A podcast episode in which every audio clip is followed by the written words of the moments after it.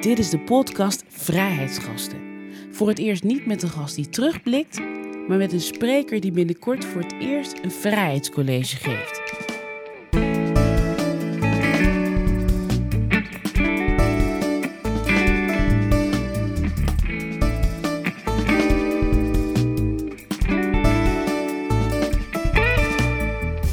Vergelijk vrijheid vaak met een oceaan. Dat is zo groot en daar, daar past zoveel in. En dat, je kunt er rondzwemmen tot je, weet ik veel.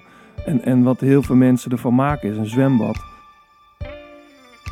Ik heb in de kerk wel geleerd wat, wat mooie verhalen zijn, wat een goed verhaal is. Ik heb in de kerk leren zingen, echt letterlijk. Ja, zolang je de haat in je hebt, ben je niet vrij. Dan, dan ben je gevangene van, van haat. En dan kun je niet vrij acteren, niet vrij nadenken, niet vrij zijn in ontmoetingen met mensen. Mijn naam is Nicole de Borg en vandaag is de gast singer-songwriter Blauwtsoen. Ja, wat fijn dat je hier bent vanuit eh, Utrecht. Ja, hoi. Leuk dat ik hier mag zijn. In 2020, het jaar van corona, had je heel veel gepland. Onder andere een theatertour volgens mij met eh, Joop Zoetemelk en heel veel andere dingen, optredens natuurlijk. Hoe was dat voor jou om dat allemaal af te moeten zeggen? Hoe was dat? Eng. Ik vond het eng eigenlijk. Het was, ehm, kijk, dat er een keer iets wordt afgezegd of iets wordt verplaatst. Dat is niet erg, maar alles viel weg, weet je wel. Dus dat is ineens, denk je, ja, maar eh, dit is waarom ik mijn bed uitkom. En dat mag allemaal niet meer. Dus ja, ik vond het een beetje eng in het begin. Heel even ook maar, maar wel even echt eng. En waarvoor kom je nu je bed uit dan? Ehm, een soort eh, vooruitzicht dat ik mezelf eh, ehm, bedenk. Want het perspectief wat, wat aan artiesten eh, gegeven wordt is minimaal.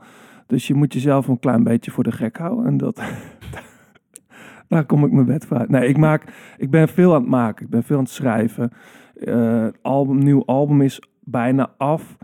Eh, er komt nieuwe muziek aan. Dat soort dingen. Eh, ik geniet ook gewoon van eh, mijn geliefden. Dus daar kom ik mijn bed voor uit. Ja. Ik sprak pas ehm, voor vrijheidsgasten Fresco. Die vertelde dat hij mist om andere muzikanten op te zoeken. Van oké, opeens hoor je iets. Ik ga naar diegene toe, naar een studio Ja. of naar een optreden. Dat gaat niet meer en dat, dat houdt me tegen. Herken je dat of heb jij totaal iets anders? Nee, ik herken dat heel erg. Ik, ben, ik merkte ook, ik eh, vorige week voor het eerst eventjes dat eh, Clubhouse uitgeprobeerd. En dan merk ik ineens waarom dat zo leuk is. Want ik vind het leuk en, en ook wel zinvol. Omdat je daar ineens mensen tegenkomt die je normaal gewoon even in de backstage tegenkomt. Die je misschien twee keer per jaar ziet, maar die je wel inmiddels goed kent. Toevallig, ik was met, met kerst, ben ik even naar Texel gevlucht. Was ik nog nooit geweest. En ik kwam daar toevallig Thomas Azier tegen, een collega van me. En je merkt gewoon, veel artiesten zitten in een soort sluimerende somberheid. Dat is echt zo. Ik merk het bij mezelf, maar ook bij andere mensen. Als je eh, hard hebt gewerkt aan een bestaan als artiest, en dan kom je niet zomaar, en je staat daar dan. En dat wordt dan soort langzaam wordt afgebrokkeld. En je mag niet meer, kan niet meer doen wat je wil doen. Ja, dan, dan ontstaat er een soort eh, somberheid, denk ik, bij velen. En dan is het juist ook weer fijn om elkaar dan wel te spreken en te zien, een goede moed te houden. En iedereen even de goede kant op te blazen. Of in ieder geval de zeilen de goede kant op te zetten. Je hebt het over het Clubhouse, heb je het nu over. Maar hoe is dat dan voor jou? Want eh, het is daar wel dat iedereen alles van jou eh, kan horen. Je kan normaal gesproken kan je toch dingen afschermen, zeg maar. En, eh, Ja. Maar hoe is dat dan nu voor jou? Want ik vraag me dat altijd af. Mensen die heel veel eh, volgers hebben, mensen die zeg maar bekend zijn. Wat is dan toch die aantrekkingskracht? Want alles is gewoon open. Ja. Er zit iets in wat we met z'n allen missen, namelijk elkaar random ontmoeten, even binnenkomen, even die kroeg instappen. En dan merk je dat eh, menselijk contact, hoe klein ook of hoe kort ook, of soms hoe oppervlakkig ook, dat is toch wel, eh, dat geeft wel heel veel energie. En, en, en levert nieuwe verhalen op, letterlijk en figuurlijk. En doet deze tijd ook iets met jouw gevoel van vrijheid? Ik merkte toen die avondklok werd ingesteld, ik kan daar niet zo goed tegen. Ik had echt de eerste avond dat dat dus inging, had ik de neiging om gewoon naar buiten te gaan. Ik heb geen hond of zo, dus ik mocht niet naar buiten om iemand of iets uit te laten. De rebel in jou. nou, ik kan daar niet zo goed tegen. Nee. Dat mij van bovenaf wordt opgelegd wat ik mag doen. En niet dat ik al veel buiten kwam. Na negen uur zeker niet meer in, in, corona. Maar het feit dat het dan niet mag en er wordt verboden. eh, Even los van de discussie of dat nou maar terecht is of niet. Ik, dat, dat, ik gedij daar niet goed bij. Ik was, toevallig ben ik deze week of vorige week moest ik even de avondklok in, zeg maar. Dus ik moest eh, ergens een interview doen met een eigen verklaring en een werkgeversverklaring. De straat op. En toen hoopte ik dat ik werd aangehouden. Om gewoon even dat spel te voelen, hoe dat dan werkt en zo. Dat is niet gebeurd helaas. Maar Wat is dat in jou dat dat loskomt? Dat jij echt denkt van mijn vrijheid en kom niet aan, bepaal niet voor mij. ja, dat, ik weet waar dat vandaan komt. Ik ben opgegroeid in een vrij religieuze omgeving. Een religieus gezin, in een religieuze grote familie. Heel fijne tijd hoor. Niet, ik heb geen, geen nare jeugd gehad. Maar daar werd wel bepaald eh, wat je moest denken, hoe je moest doen, wat je vooral niet mocht doen. Eh, en dat is wel iets waar ik me eh, aan ontworsteld heb. Maar dat zit er nog steeds. Het gevoel van je bepaalt niet voor mij wat ik denk of hoe ik me moet voelen, mag voelen. Dat zit er heel erg in. Ja, want je bent geboren in Arnhem, Mhm. opgegroeid in Renkum. Zeg ik het goed? Renkum? Renkum, Renkum, ja. Tussen Wageningen en, en Arnhem in. Ja. Precies, Gelderland. Ehm, en dat was in Pinkstergemeente. Pinkstergemeente denk ik altijd aan heel veel muziek. En heilige geest, praten in tongen en dat soort Al, dingen. al die dingen. Al die dingen. Prachtig. Ja, al die dingen zitten daarbij. Ik heb, ik heb daar ook echt muziek leren maken, leren zingen. Het was een hele happy, happy kerk eigenlijk, in de kern. En Wat ik, was er happy aan voor jou, als ik terug ga naar het jongetje van toen? Was er iets ook wat happy was? Nou, had het eerst die over... diensten zelf zijn heel, heel feestelijk. Eh, er is geen organist, er staat gewoon een band te spelen. Met achtergrond, met een koor en, en drums, elektrische gitaren. Dus ik vond dat heel fascinerend. En eh, daar zitten mensen ook feitelijk niet, behalve tijdens de preek. Maar in principe sta je en klap je en gaan de handen omhoog. Het is best nog, denk ik, te vergelijken met de, de, de wat mensen ook de echte de zwarte gospelkerken. Zeg maar. Charismatische kerken, Heel hè? charismatisch, ja. Ja. ja. Dus dat vond ik wel, ja, vond ik wel mooi, ja. Maar het is een soort dubbelheid, want je had ook die andere kant die voor jou bepaalde wat je mocht doen, wat je niet mocht doen. Waar Hmm. zat dat hem in? Wat mocht je wel en niet? Ja, kijk, dat ontstaat natuurlijk op een gegeven moment dat je wat ouder wordt. eh, als je tiener bent. Dat je, er werd bij ons heel veel muziek eh, gedraaid. Maar bijvoorbeeld de Beatles, ik noem maar iets. Wat in heel veel huishoudens gewoon een soort van standaard is. eh, dan word je, dat, dat was er bij ons niet. Eh, toen ik thuis kwam met een button van Doe maar op mijn spijkerjasje. Dan moest er meteen af. Want het waren jongens die zongen over heroïne, godverdomme. En na de film dat was een plek van de duivel, weet je wel. Dus de Korenmarkt in Arnhem, het uitgaansgebied, tje, daar moest je niet gezien worden. Ja, ik kan me dat dus niet voorstellen. Ik mocht alle muziek luisteren. Dus kan je me Heerlijk. uitleggen wat dat dan met jou doet? Want jij bent echt een muzikaal mens. Nou, maar wat ik zeg, er is natuurlijk los van, nou, dat is misschien helemaal niet waar, maar los van de Beatles is er natuurlijk heel veel moois. En er werd wel heel veel muziek gedraaid. En er was, ik weet helemaal niet of dat nog zo is, er was ook een hele grote scene van, vanuit Amerika die populaire muziek maakte, maar Nog dan gestoeld ja. op, op, op christelijke waarden. Ehm, en Bob Dylan mocht ge- gedraaid worden. Mijn opa, die was wel altijd Bob Dylan mocht wel. nou, die, tot, die kwam op een gegeven moment tot geloof. Die bekeerde zich tot Jezus, weet je wel. En eh, dat was trouwens zijn slechtste album ever, Saved. Maar dat maar los daar, dat terzijde. Maar dat mocht dan wel. En Johnny Cash was natuurlijk, die, die, die ging ook, eh, werd ook gelovig. Dus, dus er werd dat soort dingen werd wel gedraaid. En op een gegeven moment kreeg ik mijn eigen radio cassette recorder. Ja, en toen ontdekte ik ook de top 40. En, en later, weet je wel, ben ik ook gewoon het, is ook, het was ook weer niet zo streng dat, dat ik dan niet mijn eigen eh cassettebandjes of cd's mocht draaien. Dus wat ik van je hoor is gewoon heel veel muziek en toch ook warmte, maar wel regels. Ja, zeker, ja. Ja. Ja. En je zegt ook regels qua denken. Hoe moet ik dat dan zien? Kan je daar een voorbeeld van geven? Nou, ik weet als wij vroeger eh, Paul de Leeuw eh, wilden kijken, dan ging die gewoon uit. En dan dan werd daar echt op een nare manier over hem gesproken. Van ja, dat is eh, een vieze homo eigenlijk. Dat werd soms letterlijk gezegd. Niet zozeer door mijn ouders. Mijn ouders zijn, waren, vond ik, vind ik nog steeds in die scene wel redelijk relaxed. En misschien ook ehm, gingen iets wijzer om met dat soort dingen. Maar ik, ik ben daar, dat was heel gek voor mij. Dat iemand die gay was, zeg maar, op die manier niet geduld werd in onze invloedssfeer bijvoorbeeld. Ehm, sowieso alles wat met seksualiteit te, te maken had, dat was gewoon een soort van taboe, weet je wel.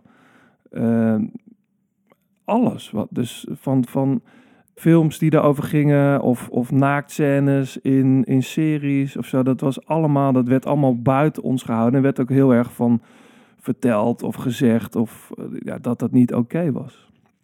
En wanneer ging je, ging je dat dan niet stiekem doen? Want dat doen kinderen dan. Tuurlijk, nee, maar Ja. alles. Dat is ook logisch. Ik was daar wel iets opener in. Ik merk, ja, als ik bijvoorbeeld naar de film wilde, dan, dan ging ik niet stiekem. Dan zei ik dat gewoon. En dan had ik bonje thuis. Maar dan zei ik, ja, je ziet me vanavond wel.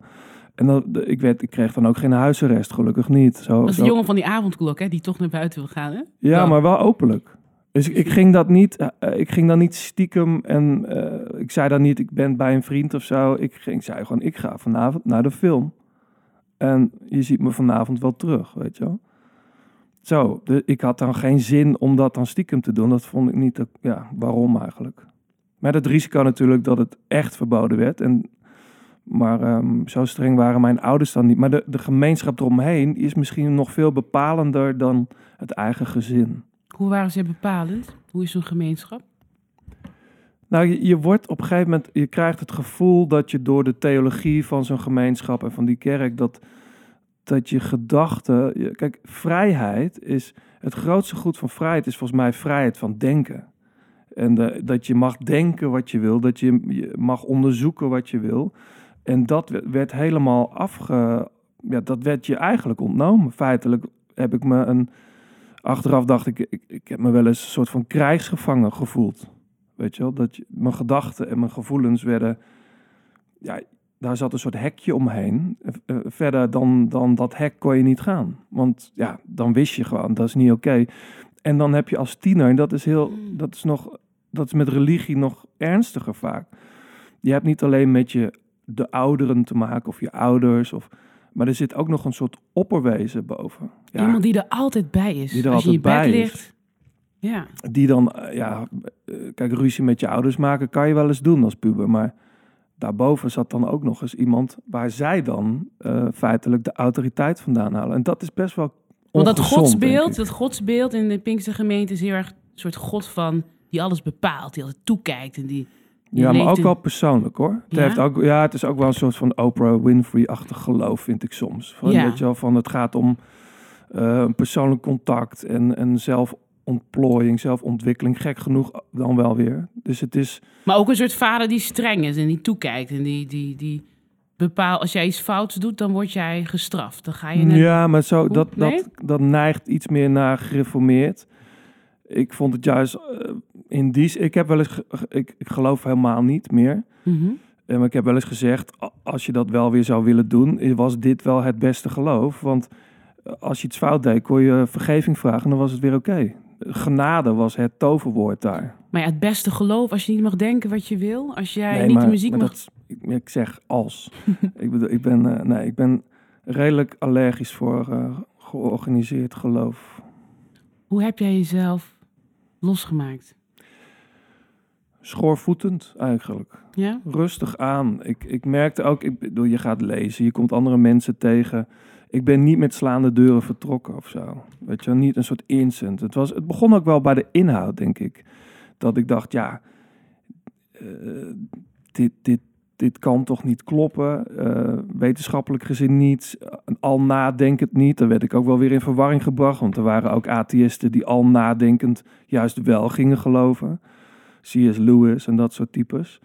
Ehm, wat ik wel interessant vond ook weer. Alleen ik ben juist al nadenkend ervan afgegaan. En heb me dan op een gegeven moment ook wel echt van afgezet. En, en op een bozige manier, weet je wel. Ik kan er nu er wel iets milder inmiddels in. Ik kan ook de verhalen die, die in dat geloof zitten ook wel weer waarderen.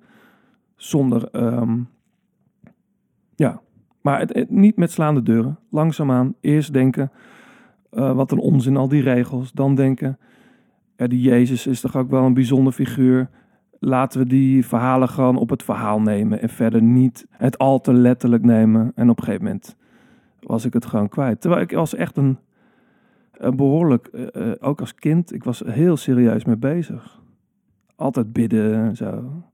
Ik, ik vind dat het ook wel iets heeft dat jij je ontworsteld hebt en toen zelf bent gaan bepalen. Want heel veel mensen gaan door het leven en die laten instituties of het gezin waar ze vandaan komen of de community waartoe ze behoren bepalen, weet je, hoe ze denken. En jij Mhm. hebt je ontworsteld en bent, ze- bent zelf gaan denken. Je bent zelf op zoek gegaan. Ik vind dat het ook wel iets heeft. Vind je zelf ook niet?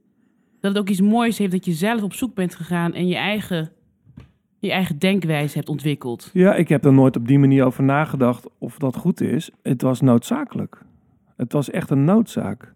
Ik werd er echt ongelukkig van op een gegeven moment. Je voelt gewoon dat er, dat er, je voelt letterlijk dat hekje in je hoofd om, of om je heen staan, weet je wel. En de wet, en het gekke is dat veel eh, eh, um, religies, niet alleen het christelijk geloof, claimen eigenlijk dat als je daarin gaat geloven, daaraan gaat doen, dat er on- vrijheid ontstaat. Uh, ik ik ver- vergelijk vrijheid vaak met een oceaan. Dat is zo groot en daar, daar past zoveel in. En dat, je kunt er rondzwemmen tot je, weet ik veel. En, en wat heel veel mensen ervan maken is een zwembad, waar je toch, waar toch gewoon afgebakend, uh, ja, afgebakend water is het feit, feitelijk. En dat, dus de illusie van vrijheid is er wel, maar Nou, mooi je dat beschrijft, of mooi. Het is, ik zie het gelijk voor me, dat hekje wat je dan los moet gaan maken. Ja. Wat je geleidelijk hebt losgemaakt. Is hij helemaal weg, het hekje? Ik denk het wel. Ik denk het wel, ja. Ik denk het wel. Dat hekje wel. Kijk, je kunt jezelf ook weer ongemerkt zelf andere hekjes neerzetten. Maar ik denk dat dat, dat hekje van mijn eh, religieuze opvoeding, dat is wel volledig weg. Ja, die is ook gewoon letterlijk uitgesloopt door mezelf.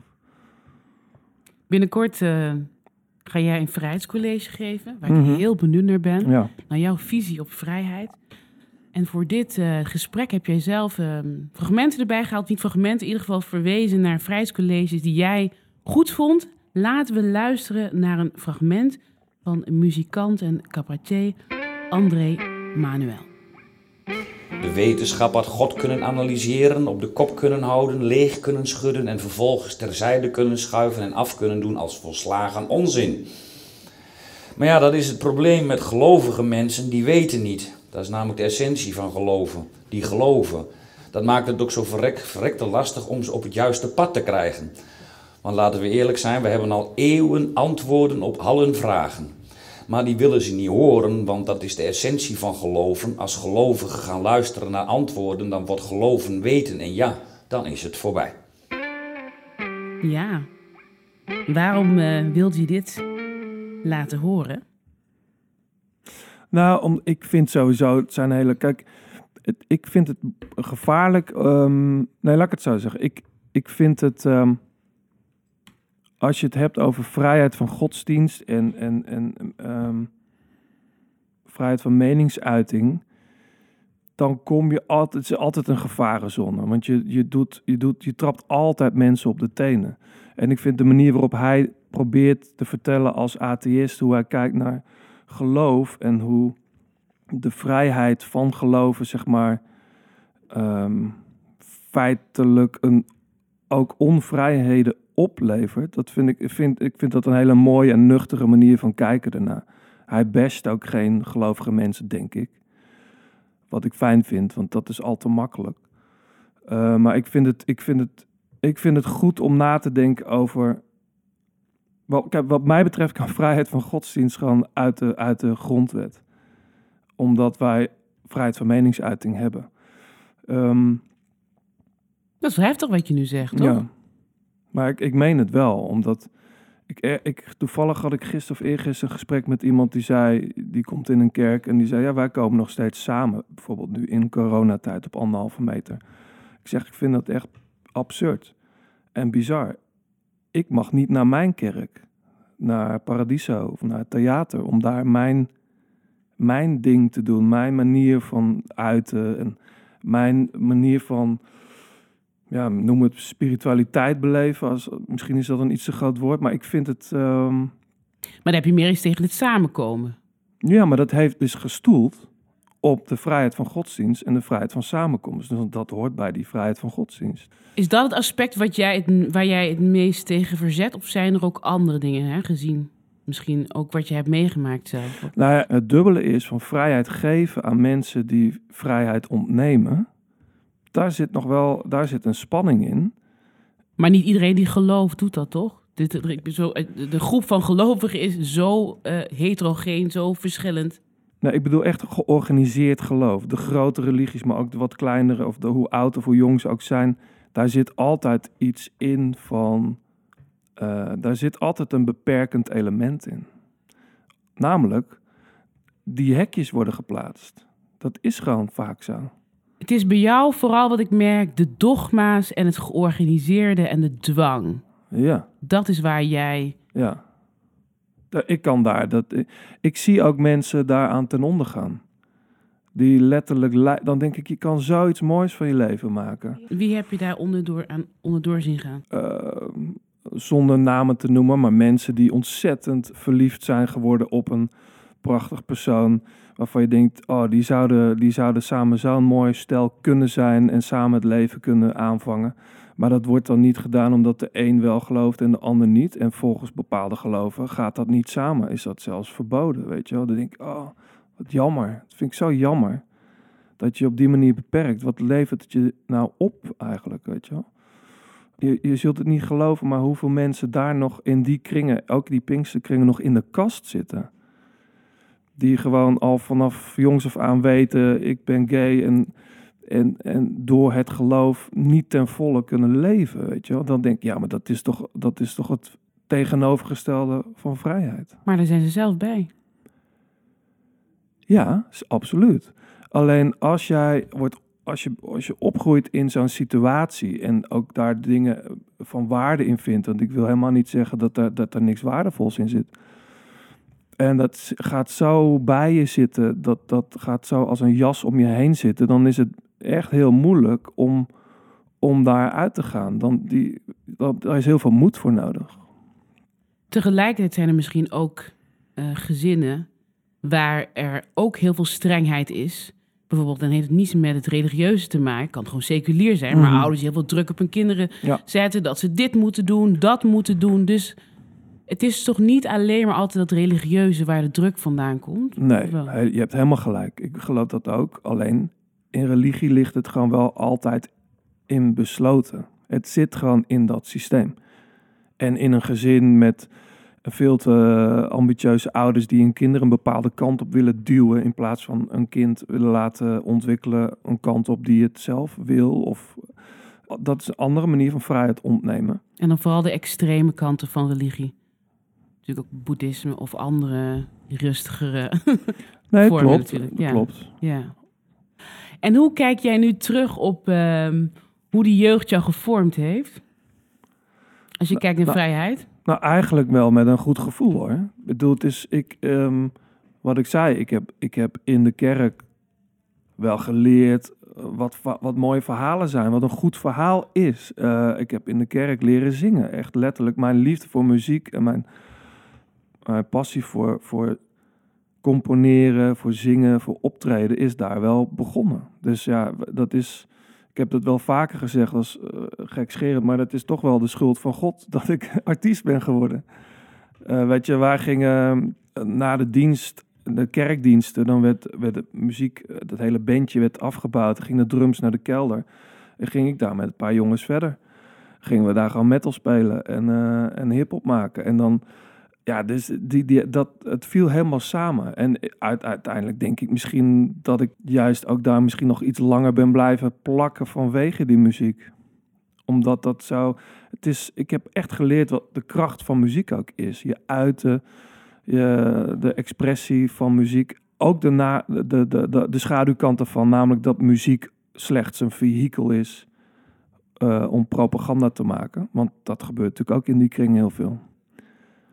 De Jezus rock en zo. Muziek is krachtig. Muziek is superkrachtig. Alleen als het, ehm, als het puur als propaganda wordt gebruikt, heeft het, eh, heeft het ook iets engs. Maar goed, ik heb ook de mooie eh, kanten gezien. Vanuit verdriet zingen, vanuit blijdschap zingen, ehm, uit je tenen. Ja, en dat zingen, dat deed je in Renkum. Dat is Arnhem. Arnhem, ja. Arnhem. Eh, we hebben het hier over vrijheid. Dan denk ik natuurlijk ook aan de Tweede Wereldoorlog. Ja. En, en Arnhem is, heeft daar heeft veel meegemaakt. Kreeg je dat ook mee? Ach man, Ja? dat is Kom, ongelooflijk. kom los. Nou ja, ik heb dus jarenlang als, als klein jochie gedacht dat we de Tweede Wereldoorlog gewonnen hadden van de Duitsers, de slag om Arnhem. Want dat, dat was dat gebied, de slag om Arnhem. En mijn eh, opa en oma uit Arnhem, dus de ouders van mijn moeder, die woonden ook in de stad destijds. Die moesten naar het platteland om te vluchten vanwege die slag om Arnhem. En ik heb dus altijd gedacht, de slag om Arnhem, die hebben wij gewonnen. En later begreep ik pas dat dat helemaal mis was gegaan. Maar ik, ik Maar het is je nooit dan verteld. Hoe- Jawel, maar het is me wel verteld. En later goed uitgelegd. En eh, je had daar die, ja... eh, volgens mij vertelde Erik Corton ook bij jullie hier dat...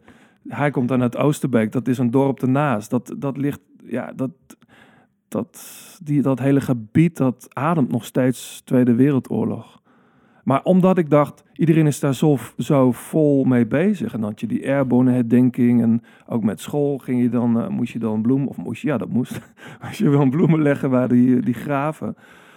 En dat duurde heel lang voordat ik besefte, ja, maar dit is een slag om Arnhem die wij verloren hebben. Het werd bijna gevierd als, alsof dat een, eh, ja, hoe zeg je dat? Alsof we daar eh, de Duitsers in de pan hadden gehakt. Ja, bij de Tweede Wereldoorlog moet ik ook denken aan een gebied waar eigenlijk pas eind jaren tachtig eh, aandacht voor was. Voormalig Nederlands-Indië. Mhm. Daar ligt ook een gedeelte van jouw ehm, familiegeschiedenis. Ja. Kreeg jij dat wel, kreeg jij dat ook mee? Nou, gek genoeg eh, lastiger. Ik ben, ik weet, mijn, mijn, de Indische kant van mijn familie, van mijn vaders kant, praatte daar best wel weinig over. Terwijl mijn opa eh, heeft, eh, moest voor de knil vechten. Die, ehm, Ja, vertel eerst maar even, dat is misschien Ja. degene die luistert, vertel even wat jouw familie niet, niet uitgebreid, maar Nee, mijn dat... vader is op Nieuw-Guinea geboren. Dat, dat was toen Indonesië. Maar maar zijn ouders woonden daarvoor ook in Nederlands-Indië. Toen kenden ze elkaar nog niet trouwens. Maar ze woonden daar allebei, vlak bij elkaar. Hebben ook bij elkaar op de middelbare school gezeten. Malang en Walang. Toevallig ben ik er twee jaar geleden nog geweest.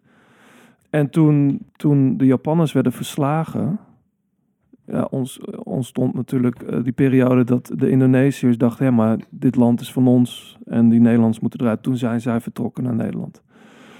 Maar voor die tijd, tijdens de Tweede Wereldoorlog... eh, ja, mijn, mijn oma heeft in, eh, in Jappenkampen gezeten. Mijn opa heeft in, in de buurt van Tokio in een werkkamp gezeten. Ja, dus dat is wel een behoor, een heftige geschiedenis. Maar ik heb daar met mijn oma pas heel laat echt goed over kunnen spreken.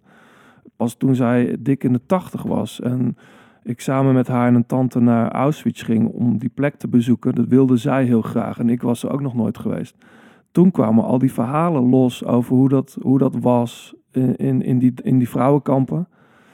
Ben je samen met je oma naar Auschwitz geweest? Ja, kijk, zij had een, echt een bovenmatige interesse in alles wat met kampen en de Tweede Wereldoorlog te maken had. Eh, dat, had zij, dat, dat vond zij heel interessant en ze, ze kende ook mensen die daar gezeten had. En, en het had ook met haar eigen kampverleden te maken. Het was niet te vergelijken met de vernietigingskampen in Europa natuurlijk. Maar de vrouwenkampen in, in, eh, in Nederlands-India, de, de Jappen waren heel heavy. Waren heel heavy. Als je die verhalen hoort, en, weet je wel, zij, zij zorgde ervoor met een aantal wat oudere dames dat, dat alle vrouwen in hun, die zij kende, persoonlijk kenden, dat die gewoon constant onder de luizen zaten bijvoorbeeld. Zodat de Japanse soldaten in ieder geval van die meiden afbleven. Want de meisjes die schoon waren, ja, die werden gewoon verkracht. Dus ja, dat, die werkelijkheid, daar kan ik me niks bij voorstellen. En mijn oma heeft daar middenin gezeten. Ik wil zo meteen nog horen van jou eh, wat jouw oma jou geleerd heeft over vrijheid. Want het is Mhm. iets heel moois. Maar laten we eerst nog even gaan naar een fragment van Fresco, wat hij zegt over vrijheid. Ik denk dat, dat, dat vrijheid is, is net als vrede, is net als eh, gelijkheid of gelijkwaardigheid. Het is een streven. Het is een streven, of net als perfectie. Je komt er nooit, maar we moeten oneindig blijven streven en we moeten oneindig perfectioneren en al die grijsgebieden blijven opzoeken en elkaar tegen blijven komen. Ben je het met hem eens? Ja, ik voel wel heel erg wat hij zegt. Daarom had ik het net ook over vrijheid als een oceaan, weet je wel. Dat, het is een, dat is iets wat constant beweegt en wat met eb en vloed. En, maar er is in ieder geval heel veel ruimte.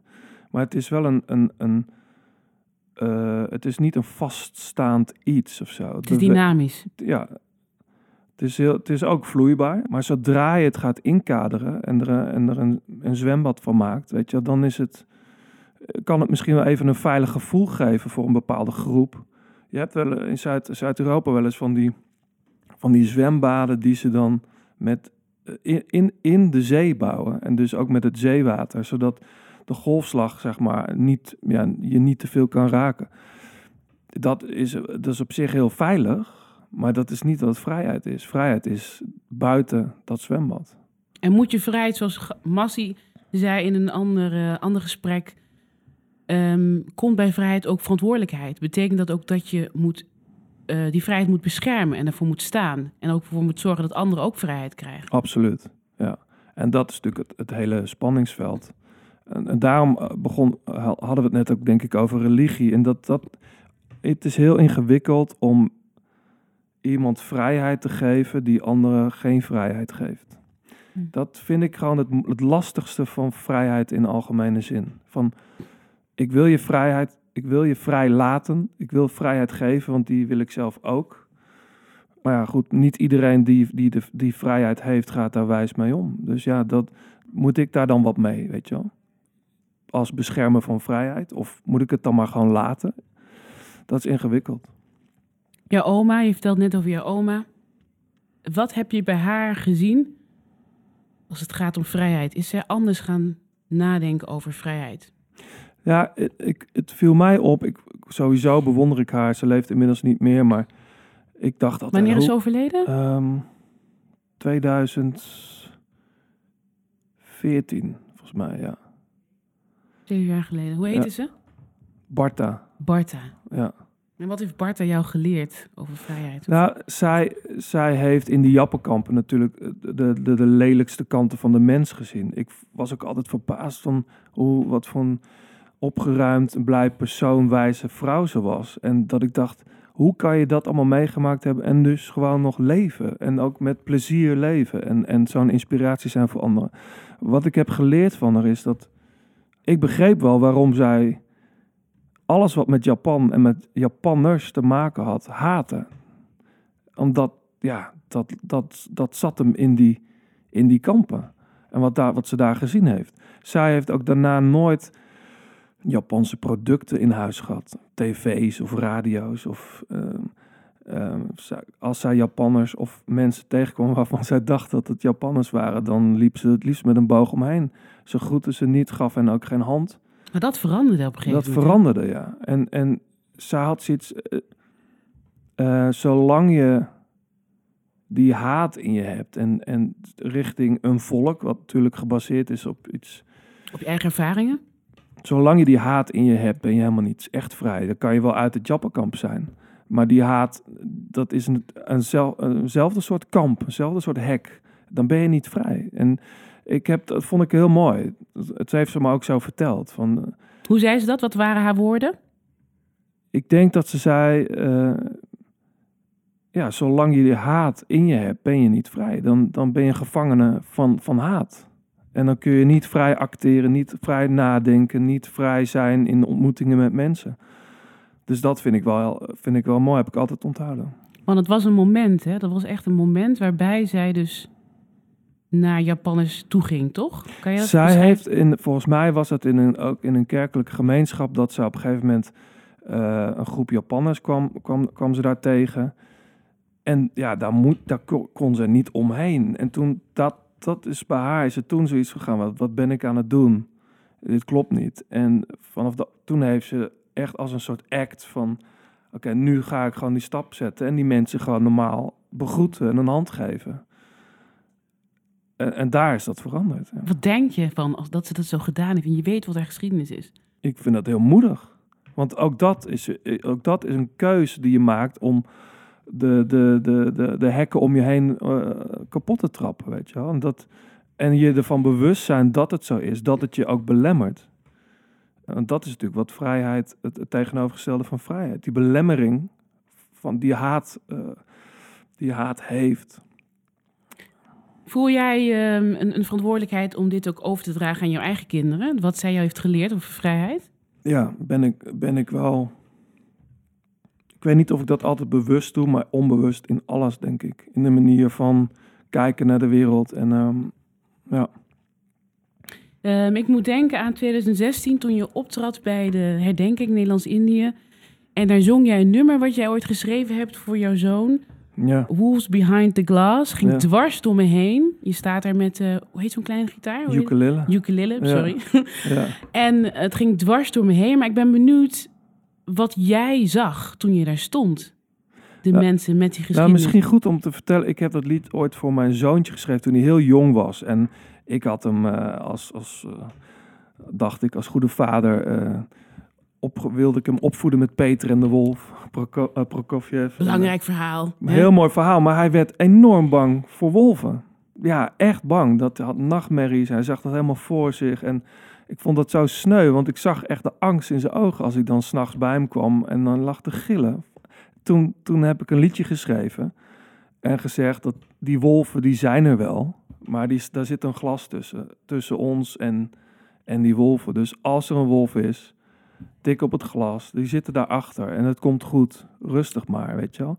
En toen, toen ze me vroegen om bij de herdenking te, te, um, op te treden, dacht ik, ja, er zitten zoveel mensen, zoveel ook oude mannen die daar gevochten hebben, die daar narigheid hebben gezien, die nog steeds met die nachtmerrie soms zitten. Het zijn ook eigenlijk kleine jongens van binnen.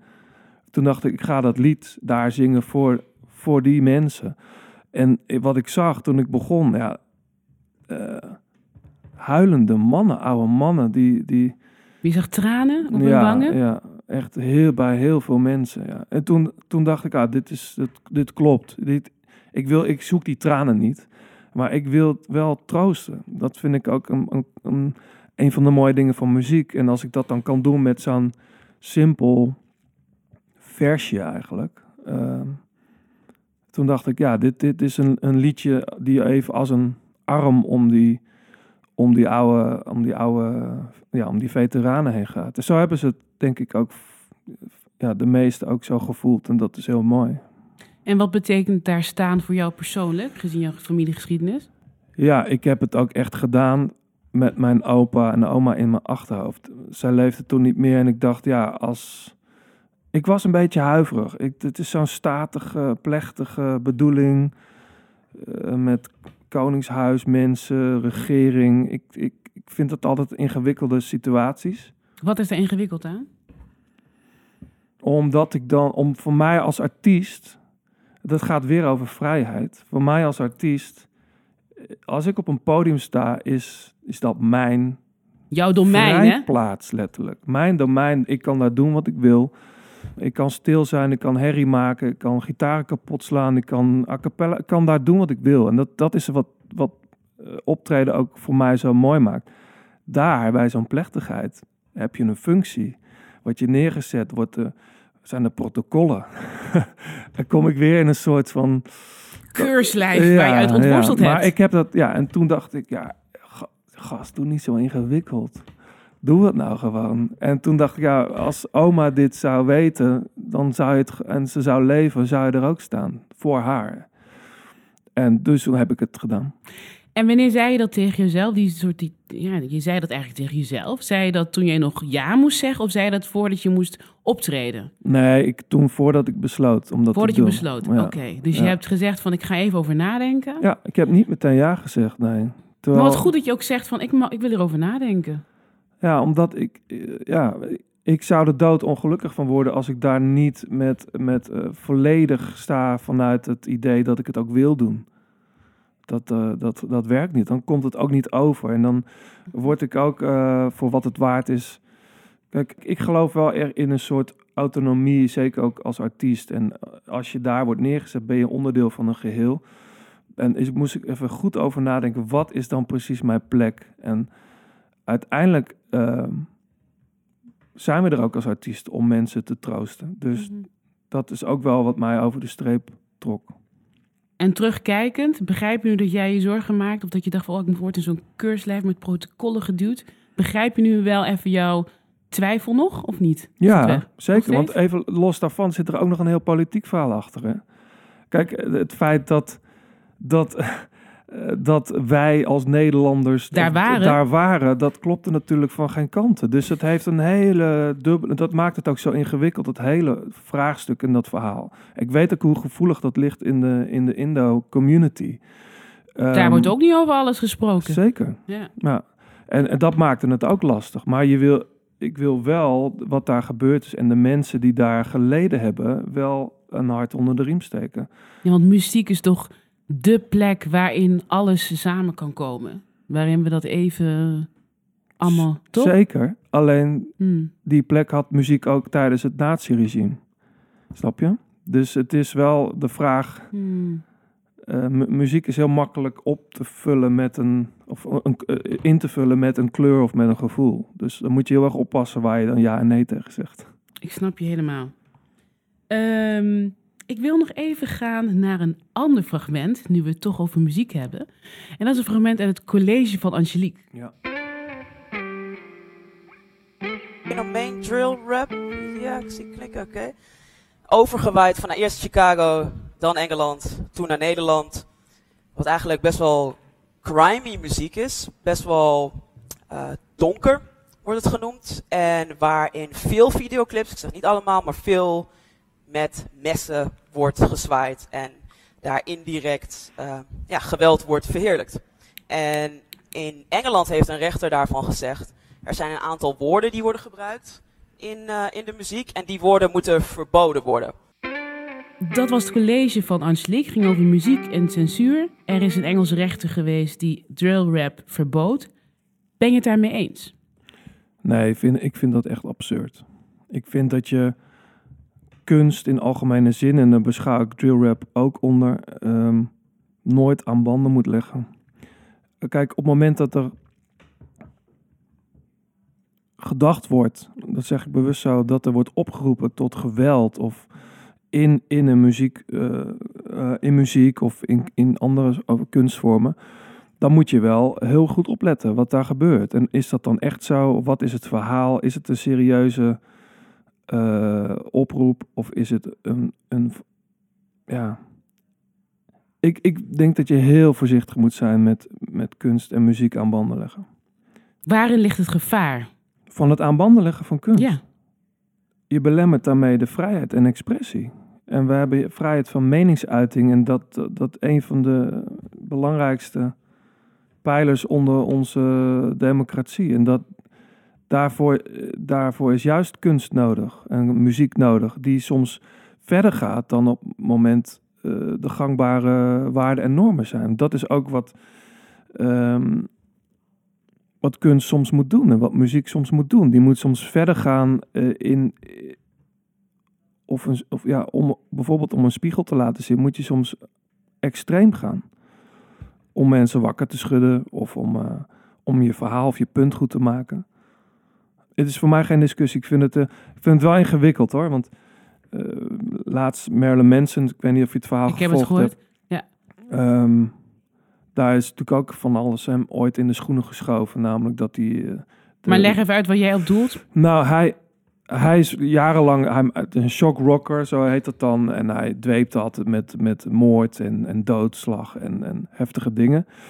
Ehm, hij deed ook net alsof hij zijn kunst zelf was. Misschien was het ook wel zo. Nu blijkt achteraf dat hij echt een vreselijke, verknipte figuur is die vrouwen mishandelde, verkrachtte. Ehm, daar is hij volgens mij wordt hij daar nu voor aangeklaagd. Hij wordt er, het is eh, precies, er is aangifte gedaan Ja. eh, door een eh, actrice. Ja. Die een relatie met hem heeft gehad en die uh, aangifte gedaan, mishandeling, verkrachting. Ja, ik schrok, ik schrok er enorm van. Om, ik had het, ik ook. Ik had het niet verwacht. Terwijl heel veel andere mensen, ja, maar hoezo niet? Dat is toch. Ik heb altijd heel erg geloofd in zijn act en in zijn manier van doen. En natuurlijk moet je daar eh, een paar kronkels voor hebben in je hoofd. En dat is juist het mooie ook van, van, van muzikanten of van filmmakers. Dat je soms met de kronkels die je hebt daar mooie dingen mee maakt. Uh, maar in het verleden werd hem ook in de schoenen geschoven dat hij verantwoordelijk was voor de, voor de jongens die eh, met, met pistolen een, middelbare school uh, binnen, binnen vielen. En dat is met drill rap natuurlijk hetzelfde, weet je wel. Um, er wordt heel vaak gedacht dat die muziek één op één te relateren is aan het geweld. En dat vind ik, vind ik nogal een claim om dat zo te stellen. Ja, want je hebt Akala, dat is een rapper, een lecturer uit Engeland, en die zegt over drill rap dat je moet kijken waar komen die jongens vandaan? Wat is er gebeurd in hun omgeving waarom ze dit doen? Wat is hun positie? Ja. Wat, uh, wat krijgen ze aangereikt? Maar waarom haalde je het, het, uh, het voorbeeld van Marilyn Manson aan? Omdat ik het jammer vond. Eerlijk, kijk, het is natuurlijk vreselijk voor die, voor die vrouwen in zijn omgeving wat daar gebeurt. is echt, dat, is, dat, dat staat buiten kijf. Wat ik wat ik jammer vond, is dat heel veel mensen nu bevestigd worden in waarvan hij altijd beschuldigd werd. En eh, toen dacht ik, oeh, dat is best wel, dit, is, dit kan de vrijheid van je kunst uitvoeren op een manier uh, schaden. Want nou wel, weet je wel, die gast spoorde niet. Het, het is, nou wel dat hij dat gek is, dat hij het wel allemaal letterlijk bedoelde. Um, ja, is hetzelfde wat je eigenlijk ziet, eh, wat je, sorry dat ik je onderbreek, hetzelfde wat je ziet met mensen die bijvoorbeeld uh, islamitisch zijn en waarvan je fanatici hebt die heel extreem zijn en zeggen van dit is niet mijn geloof, dit is niet hoe ik de koor. Het is hetzelfde, analogie eigenlijk, een beetje hetzelfde. Omdat, omdat, en dat is precies wat jij zegt, uh, dat, dat mensen zeg maar islamisten zien voor moslims. en dat is echt totaal iets anders. En, en, en eh, ik kan me dat voorstellen dat, eh, dat als moslim het vreselijk is dat je altijd maar wordt aangesproken op een groep, een kleine groep binnen, ja, als het überhaupt al je community is, die, die er vandoor zijn gegaan met een aantal uh, onderdelen uit jouw geloof, weet je wel. Dat is vreselijk. En dat, dat, daar moest ik een beetje aan denken bij Marilyn Manson. Dat ik dacht, gast, dit is wel jammer, want um, ik denk dat veel mensen niet zullen denken... Zie ja, je wel. Zie je wel, ja. Ja. Ja, ik ben heel erg benieuwd. Ik heb al een beetje gehoord hoe jij denkt, heel erg eigenlijk. Ik ben benieuwd hoe jouw vrijheidscollege gaat zijn. Heb je al enig idee hoe je het aan gaat pakken? Wat er zeker in moet? Nou, ik, ik ben een beetje aan het broeden op de, op de... Zonder daar al te vaag in te worden. Maar ik, ik hou van... Uh, probeer ik in liedjes ook uh, een goede metafoor te vinden. En die als vehikel te gebruiken om je punt te maken. Uh, als er al een punt gemaakt moet worden. Uh, maar ik ga het zeker over zwembaden en oceanen hebben. Zei je trouwens gelijk ja toen je gevraagd werd? Vrijheidscollege? Mm -hmm. Nee. Nee, je moest nee. er ook over nadenken. Wat, wat, was je twijfel? Um, artiesten worden heel vaak gevraagd voor allerlei dingen. Of het nou, uh, weet je wel, iedereen heeft tegenwoordig een mening. En iedereen's mening moet ook gehoord worden. En zeker, weet je wel, topsporters en artiesten die aan, aan talkshowtafels moeten gaan vertellen hoe ze denken over dingen waar ze helemaal geen verstand van hebben. Dat, dat, uh, daar haak ik heel snel op af. Dus toen dacht ik, is dit zo'n situatie? of niet? En toen dacht ik, ja, vrijheid is eigenlijk iets waar iedereen iets over kan zeggen, mag zeggen. Dus waarom ik dan niet? En vooral jij die zich ontworsteld heeft. Toch? Nou ja, ja, goed. Maar ik denk dat iedereen in, in grote of kleine mate dit wel herkent. Dus wat dat betreft. Maar ik heb ja gezegd. Heel fijn. Ik ben heel benieuwd naar jouw verhaal. En dank je wel dat jij uh, hier wilde zitten. Graag gedaan. Dit was Blauwtsoen, vrijheidsgast in de podcast van de Vrijheidscolleges. De volgende aflevering is met Sander de Kramer, de winnaar van de For Freedoms Award voor de vrijheid van armoede en gebrek. Ik dank de redactie, Marije, Trix en Jelmer. De techniek is door Lieve en de muziek door Steven Ivo. Vergeet ons niet te volgen vanuit podcast Werkplaats Tolhuistuin in Amsterdam. Dank voor het luisteren.